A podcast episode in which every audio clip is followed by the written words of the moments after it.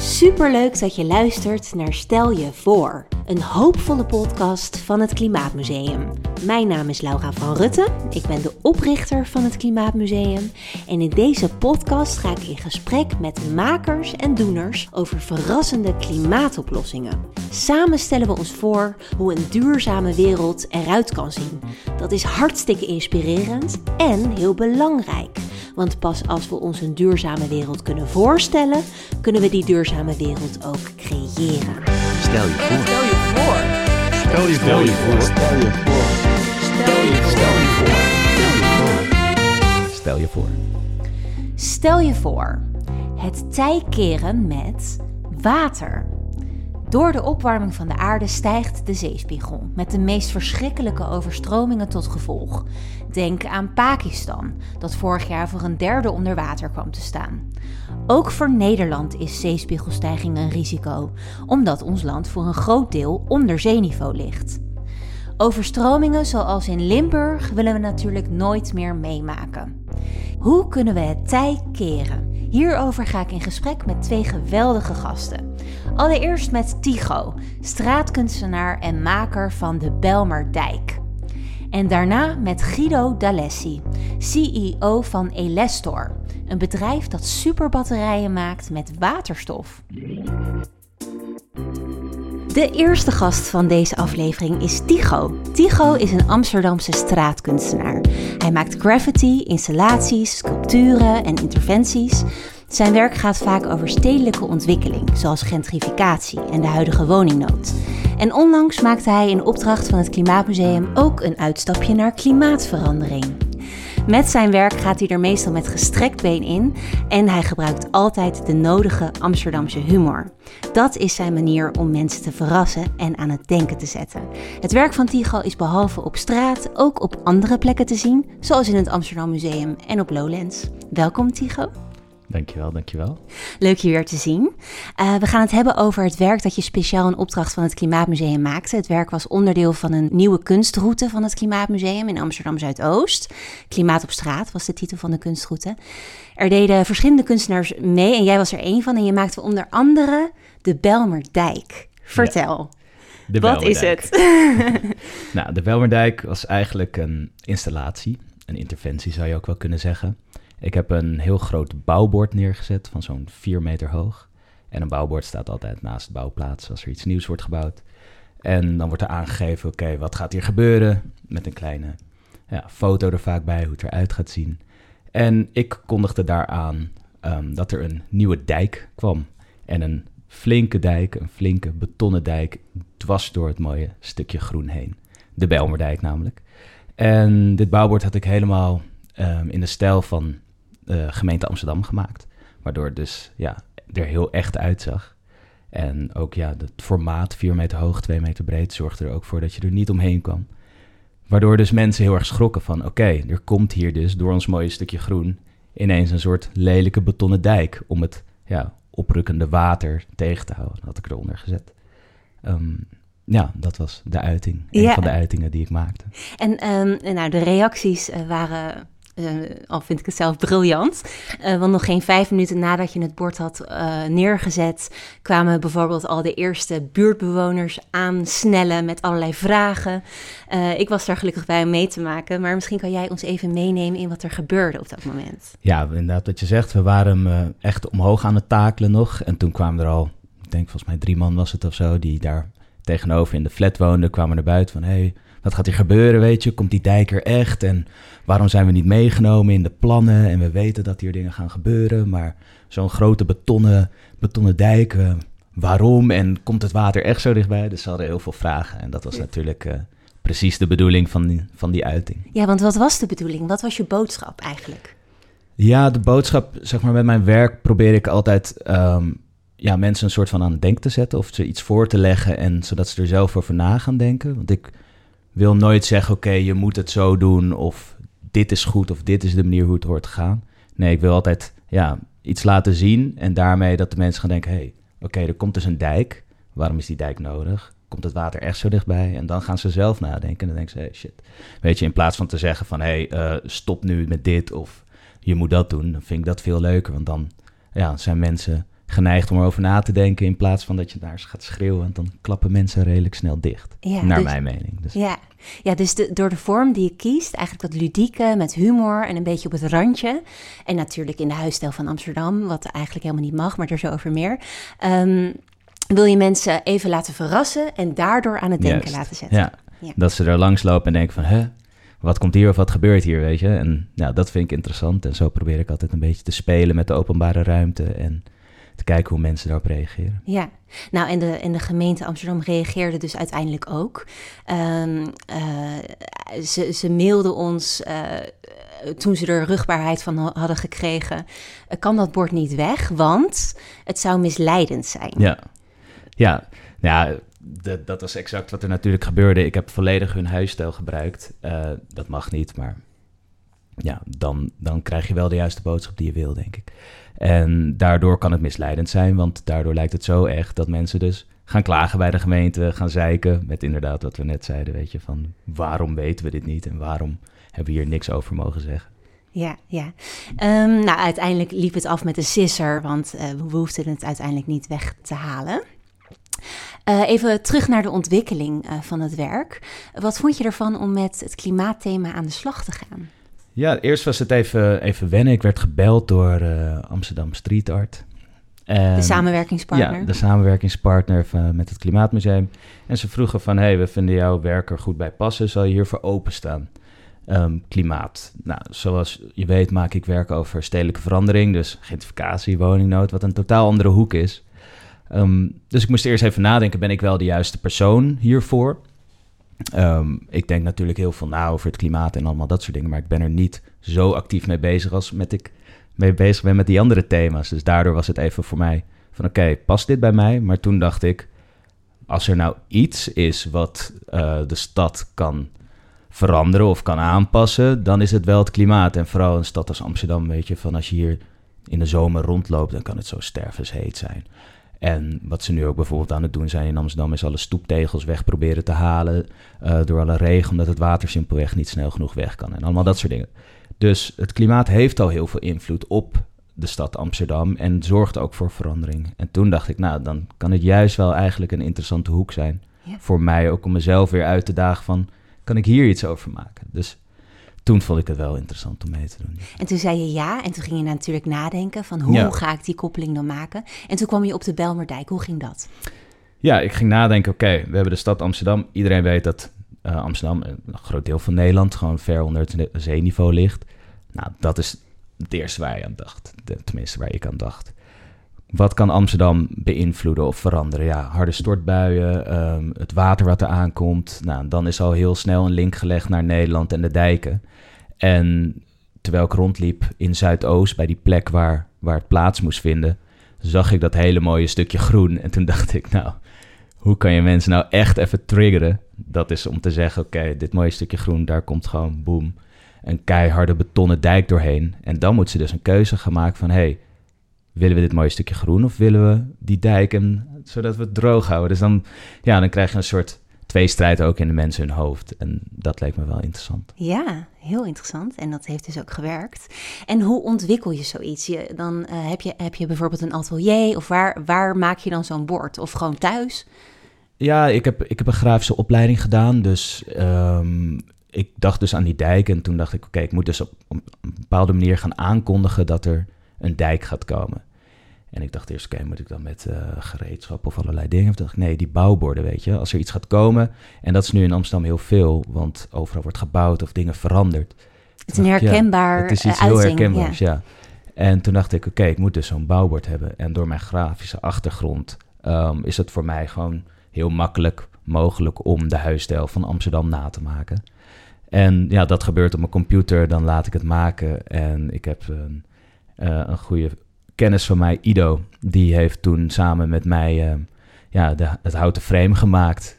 eh, waardoor hij dus ook stevig kon blijven staan voor een bepaalde periode. Ja. Hij is uiteindelijk wel omgewaaid met, die- met die flinke storm, Ja. naar een half jaar. Ehm, Maar dat is redelijk ja. lang nog voor jou doen. Zeker. Mijn, ja, ik maak dus bijna alles op straat. En ik denk dat 98% al lang en breed verdwenen is. Of vernietigd is. Of ehm, kapot gemaakt, schoongemaakt, whatever, weet je. Ja. Maar dat hoort erbij. En Ja. ik, mensen zeggen heel vaak tegen mij, ja, vind je dat niet jammer dan dat het weggaat? Nee, van ja, dat is echt onderdeel van die kunstvorm. En waar we het eerder ook al een keer over hadden, van ik wil liever dat het een week er staat en dat er dan heel veel mensen over praten, media, problemen, tumult, want dan wordt er dus over gesproken en dat is de bedoeling. Dan dat het er vijf jaar staat en dat er misschien één keer een hond naar heeft gekeken of er tegenaan heeft gepist of zo. Ja. Weet je, dus ja, Ja. het gaat niet om hoe lang het er staat, maar het gaat erom ja, hoeveel mensen hebben gezien en ja. ja, wat het En- teweeg heeft gebracht. En AT5 kwam er op een gegeven moment ook achter. Die is toen langsgekomen, vroege vogels. Dus die reuring die we voor ogen hadden, die kwam er. Dat is gelukt, ja. Ja, Dat is ook wel fijn. zeker. En ehm, nou, het was dus een groot succes. Hoe ga je nu verder met het klimaatonderwerp? Of ga je überhaupt verder met het klimaatonderwerp? Ja, ik speel altijd heel erg in op de actualiteit, weet je. Dus ehm, ik weet nooit echt waar ik mee bezig ben. Ik weet alleen dat ik bezig ben met uitingen maken over stedelijke veranderingen in Amsterdam. En als dat nou ineens is dat eh, Airbnb iets in het nieuws heeft, of dat daar iets mee gebeurt, of dat er eh, te weinig sociale huurwoningen zijn, of dat, zeg maar iets extreems, dat eh, de, de kades moeten worden versterkt omdat het water te hoog komt te staan door klimaat, weet je, dan ga ik daarop inspelen. Dus ik weet niet, ik zal nu niet zeggen van ja, ik ga met klimaat bezig zijn. Het ligt heel erg aan wat gebeurt in Amsterdam. Waar ben ik dan op dat moment en wat vind ik belangrijk om dan te behandelen? Juist, juist. Stel je voor, laatste vraag. Ja, Er staat ineens zo'n bouwbord bij jou in de achtertuin. Hoe zou je dan reageren? nou, ik eh, heb nog nooit in mijn leven een tuin gehad in Amsterdam. ik denk ook niet dat ik het geld ga krijgen om een tuin te hebben in Amsterdam. Maar ehm, ik denk dat ik net zo'n reactie zou hebben als de mensen daar in die wijk van... Huh, hoezo komt hier ineens die dijk en waarom zijn we niet meegenomen? Want ja, eh, mensen willen altijd iets te zeggen hebben, altijd iets te zeiken en... Er komen altijd flyers, hé, hey, er gaat iets gebeuren en bla bla. En als dat niet is en als het ineens rauw op je dak komt, tuurlijk ga je dan even reageren met, hè, waarom, weet je? Ja. Dus ja, dat zou ook mijn eerste reactie zijn. ja, ja. Ja, en eh, nu ik er zo over nadenk, dat is ook super logisch. En dat is natuurlijk ook wat er heel vaak misgaat. Eh, de communicatie eigenlijk van gemeentes of overheid, eh, zeker met het duurzaamheidsvraagstuk, wil je eigenlijk iedereen erbij betrekken en mee Ja. laten beslissen. Dus dat is ook echt een hele duidelijke, ook onderliggende boodschap nog. Want stel je voor, we worden morgenochtend wakker en mensen komen bij elk bericht die ze krijgen over de klimaatcrisis net zo in actie als met jouw Belmerdijk. Ja, ja, ja. Eh, hoe zou dat zijn? Kijk, ik denk dat het heel goed zou zijn als er veel over wordt gepraat. Weet je, dat moet, eh, bewustwording, allemaal dat soort dingen. Maar wat er ook kan gebeuren, stel het is bij elk bericht, krijg je die reactie, dan wordt het een soort overkill. En dat moet je ook niet hebben, want als mensen dood worden gegooid met een bepaald thema, dan sluit ze ook eh, helemaal dicht of klap ze helemaal dicht.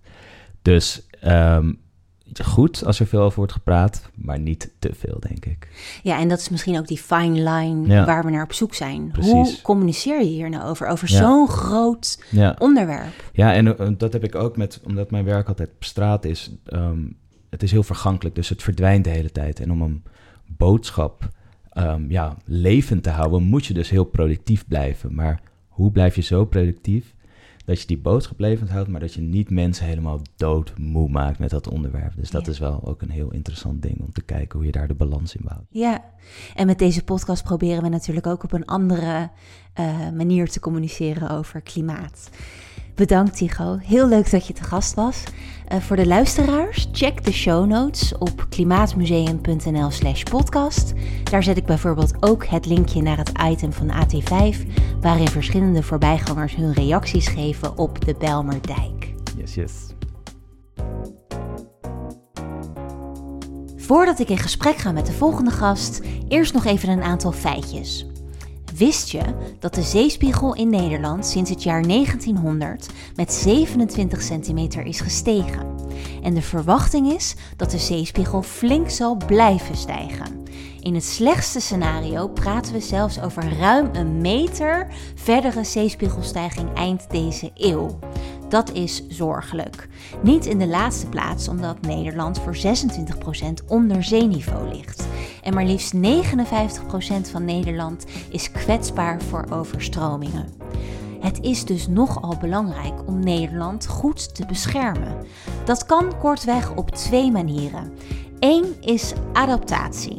Dat betekent aanpassen naar de gevolgen, bijvoorbeeld door dijken te verhogen. 2 is mitigatie.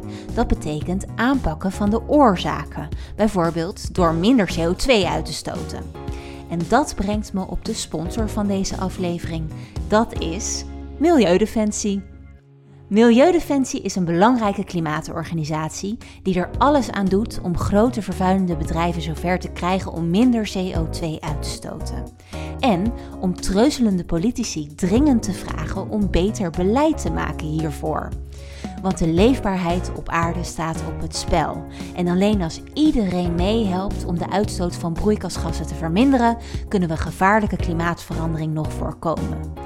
Als je je zorgen maakt over het klimaat, is er één ding dat sowieso helpt: in actie komen. Dus doe mee met Milieudefensie en word lid op milieudefensie.nl. De volgende gast is Guido D'Alessi, de CEO van Elestor, een bedrijf dat een ingenieuze oplossing biedt in de energietransitie, namelijk een nieuw soort batterij met waterstof die duurzame energie op grote schaal kan opslaan. Batterijen zijn hartstikke belangrijk in het oplossen van de klimaatcrisis en tot nu toe de ontbrekende schakel tussen het opwekken en het gebruiken van duurzame energie. Want de zon, die schijnt niet altijd en de wind, die waait niet altijd. Elester groeit met de dag en is sinds kort ook in gesprek in Amerika. Heel leuk dat je de gast wilt zijn, Guido. Ja, dankjewel. Goede introductie. Ja, en we zitten nu bij jullie op kantoor in Arnhem. En ik heb net het lab mogen zien en de batterij mogen ontdekken. Uh, echt impressive. Uh, vertel, wat is de Elestor batterij in het kort? Uh, heel kort, de Elestor batterij is, een, gaat over hele grote batterijen. Dus niet voor thuis of voor in je mobieltje, maar echt bij, bij zonneparken, windparken. Om daar, en daar gaat het elke keer maar weer om zo goedkoop mogelijk die energie op te slaan. Juist. En uh, welk probleem uh, los je nou in de kern met deze batterij op? Nou ja, iedereen ziet uh, steeds meer windturbines verschijnen en steeds meer zonnepanelen, echt in grote aantallen. Um, daarmee wek je heel veel groene energie op. Dat is hartstikke mooi. Dat willen we allemaal. Alleen je kan niet voorspellen wanneer je dat doet. En soms is er veel te veel en soms is er veel te weinig. Nou, dan heb je dus een medium, een batterij nodig om, om dat uit te kunnen middelen. Ja, en hoe werkt het? Want de batterij um, bestaat uit, eigenlijk uit drie belangrijke onderdelen: waterstof, broom en een membraanstek. Kun je uitleggen hoe deze drie precies werken en hoe ze onderling met elkaar samenwerken? Ja, ik zal het uh, proberen heel kort en, uh, en, duidelijk te maken, hoewel het een hele complexe technologie is. Um, je moet je voorstellen dat je twee grote tanks hebt, uh, waarvan, waarvan in e-, één tank uh, zit waterstof en in de andere zit uh, broom. En die tanks die vormen een, een, een, gesloten circuit.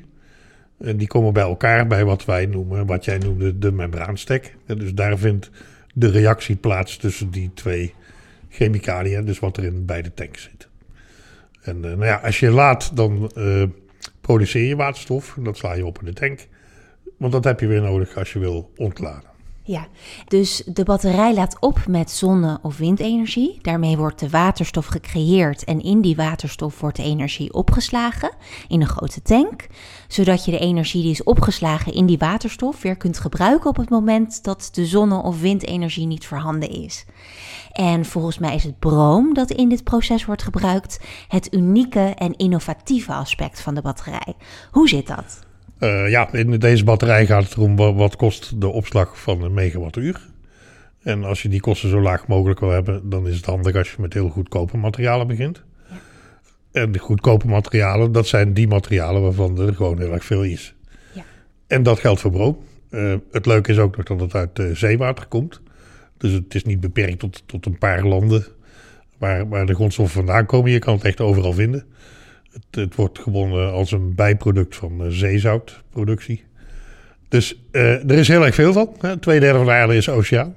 Ja. En uh, het gaat nooit op. Dus het blijft altijd heel erg goedkoop. Ja, en het is dus veel duurzamer, want voor veel batterijen gebruiken we nu nog lithium. En uh, dat is een vervuilender product. En bovendien is dat ook schaars en eindig, want er is niet oneindig veel lithium op aarde. Ja, het is, eh, het is eindig. De, reserves zijn eindig. Het komt maar op bepaalde plekken voor. En, en vooral de winning is nogal grondwatervervuilend. Terwijl het broom is een eh, chemisch element. En als een batterij aan het einde van het leven komt, dan kan je dat broom gewoon weer voor andere dingen gebruiken.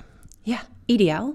Oké, en ehm, wat is nou de grootste uitdaging? Want dit klinkt echt als een uitvinding waar we met z'n allen van dromen. dit is echt de schakel die we nodig hebben. Maar ik kan me voorstellen dat er ook uitdagingen zijn. Uh, ja, de eerste uitdaging is om, om die batterij tot het formaat te brengen waar we nu zijn natuurlijk. Hè, want het is helemaal vanaf, vanaf fundamentele research uh, begonnen. En de uitdaging waar we nu voor staan is om dit, om dit soort batterijen op hele grote schaal te gaan produceren. Ja, want ik heb er net een aantal mogen zien. De kleinste die jullie hebben staan, die kan uh, een vermogen aan van 10 kilowatt. Uh, maar we willen dit natuurlijk opschalen, want met die 10 kilowatt kan je zeg maar een huishouden voorzien. Uh, maar wat nou zo tof is aan deze batterij, is dat je ze aan elkaar kunt schakelen, toch? Ja. Ja, die 10 kilowatt, dat is eigenlijk de kleinste Lego-steen, zou je kunnen zeggen. En als je die Lego-stenen, die modules aan elkaar gaat koppelen, dan uh, op die manier bouw je het vermogen op. Dus uh, dat gaat per eenheid van 10 kilowatt. Maar uiteindelijk worden dat batterijen van honderden megawatten. Ja. Dus er zitten heel veel van die modules in. Ja, want hoe groter deze batterij wordt, hoe beter geschikt het wordt voor die windparken en zonneweides. Ja, want daarvoor je, is deze echt geschikt. Hè? Ja, dan heb je. Nou ja, het leuke van die technologie is dat die ook steeds economischer wordt naarmate je groter bouwt. En daarom richten we ons ook op, op groot en heel groot. Dus inderdaad bij windparken. Ja, en niet thuis. Nee, ik krijg natuurlijk heel veel uh, vragen van mensen die uh, in, ja, in hun huis wonen met zonnepanelen en, en graag van het net af willen. Um, en ik vraag dan altijd, hoe groot is je tuin? Hm. En dan wordt het altijd even stil. Um, en dan komt natuurlijk de vraag, waarom vraag je dat? En ja, ik vraag dat omdat je dan één of twee van die grote zeecontainers in je tuin krijgt als je echt een seizoen wil overbruggen. Hè. Dus dat, dat gaat om hele grote hoeveelheden energie. Ja. En um, met wie werken jullie momenteel allemaal samen? Um, ja, de eerste grote batterij die wordt gebouwd bij uh, Vopak. Uh, Vopak ken je misschien van de Seaports met hele grote tanks. Uh, waar nu nog vooral olie en gas opgeslagen wordt. Maar je kan die tanks ook gebruiken om waterstof en boom op, op te slaan. En dan heb je eigenlijk al een hele mooie plek om een hele grote batterij te bouwen. En het leuke ervan, van zo'n plek, hè, die seaports, is ook dat daar vaak de landlijnen aankomen van de windparken op zee. Dus dat past allemaal precies bij elkaar. Ja, te gek. Um, jullie hebben de techniek nu ontdekt en ontwikkeld. Wat is nu de volgende stap? Uh, de volgende stap voor, voor Elestor is uh, om, om een uh, pilotfabriek te gaan bouwen. Waarin we die modules hè, van 10 kilowatt die je al noemde, uh, in grote aantallen geautomatiseerd gaan assembleren. Nice. En jullie hebben ook een investeringsronde gehad van 30 miljoen. Wat is de droom? Ja, uiteindelijk uh, dromen wij van uh, de, de, het equivalent van de gigafactories, zoals we die kennen van, van lithium. En dat, uh, ja, dat, dat lijkt wel een, een vergezicht, maar dat is misschien toch dichterbij dan je zou denken. Um, uh, na de pilotfabriek is de eerstvolgende stap uh, het gigawatt-equivalent. En dat is, uh, ja, dat is een kwestie van opschalen. meer van hetzelfde, zeg ik al heel eenvoudig. Maar is vooral een kwestie van investeringen. Ja. Maar technisch niet meer zo moeilijk.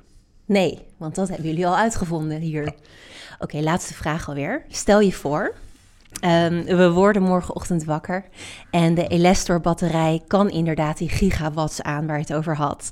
Uh, en uh, er is ook nog voldoende uh, groene waterstof.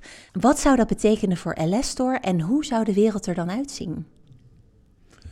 Nou ja, waar wij, waar wij naar op zoek zijn is natuurlijk een, een volledig CO2-vrije elektriciteitsvoorziening. En, en dit soort batterijen, die, die kunnen daar de sleutel toe zijn. Hè. Uiteindelijk en, en, dat is ook echt in ons plan, gaan deze batterijen de gascentrales vervangen. En dan krijg je een, uh, eigenlijk een, een, energiecentrale die je, waar je ook aan kan terugleveren. Dus een, een bidirectionele uh, energiecentrale. Daar gaat het echt uh, naartoe. Dat, dat klinkt ook wel als een, een vergezicht, maar er zijn toch al een paar plekken op de wereld waar dit gebeurd is. Waar een volledige gascentrale vervangen is door een batterij. Dus dat gedachtespoor, daar zitten al veel meer mensen op. En dat kan gewoon al. Ja. Dus. Eh, dus ik zie dan voor me, we hebben geen gas meer nodig. En al die gasleidingen die er nu liggen, dat worden dan waterstofleidingen. Ja. En daardoor eh, kunnen we dus veel minder eh, fossiele brandstoffen gebruiken. Ja. Wordt de wereld duurzamer, gezonder, veiliger, Ja. goedkoper. Is, ja, precies. Ja. Nou, dat is precies de missie van dit bedrijf. Ja. Ja, mooi. Nou, super. Heel erg bedankt, Guido. Heel hoopvol. En bedankt voor het gesprek. Heel graag gedaan. En voor de luisteraars, check de show notes op klimaatmuseum.nl/slash podcast. En daar zet ik ook een linkje naar meer informatie over de Elestor batterij.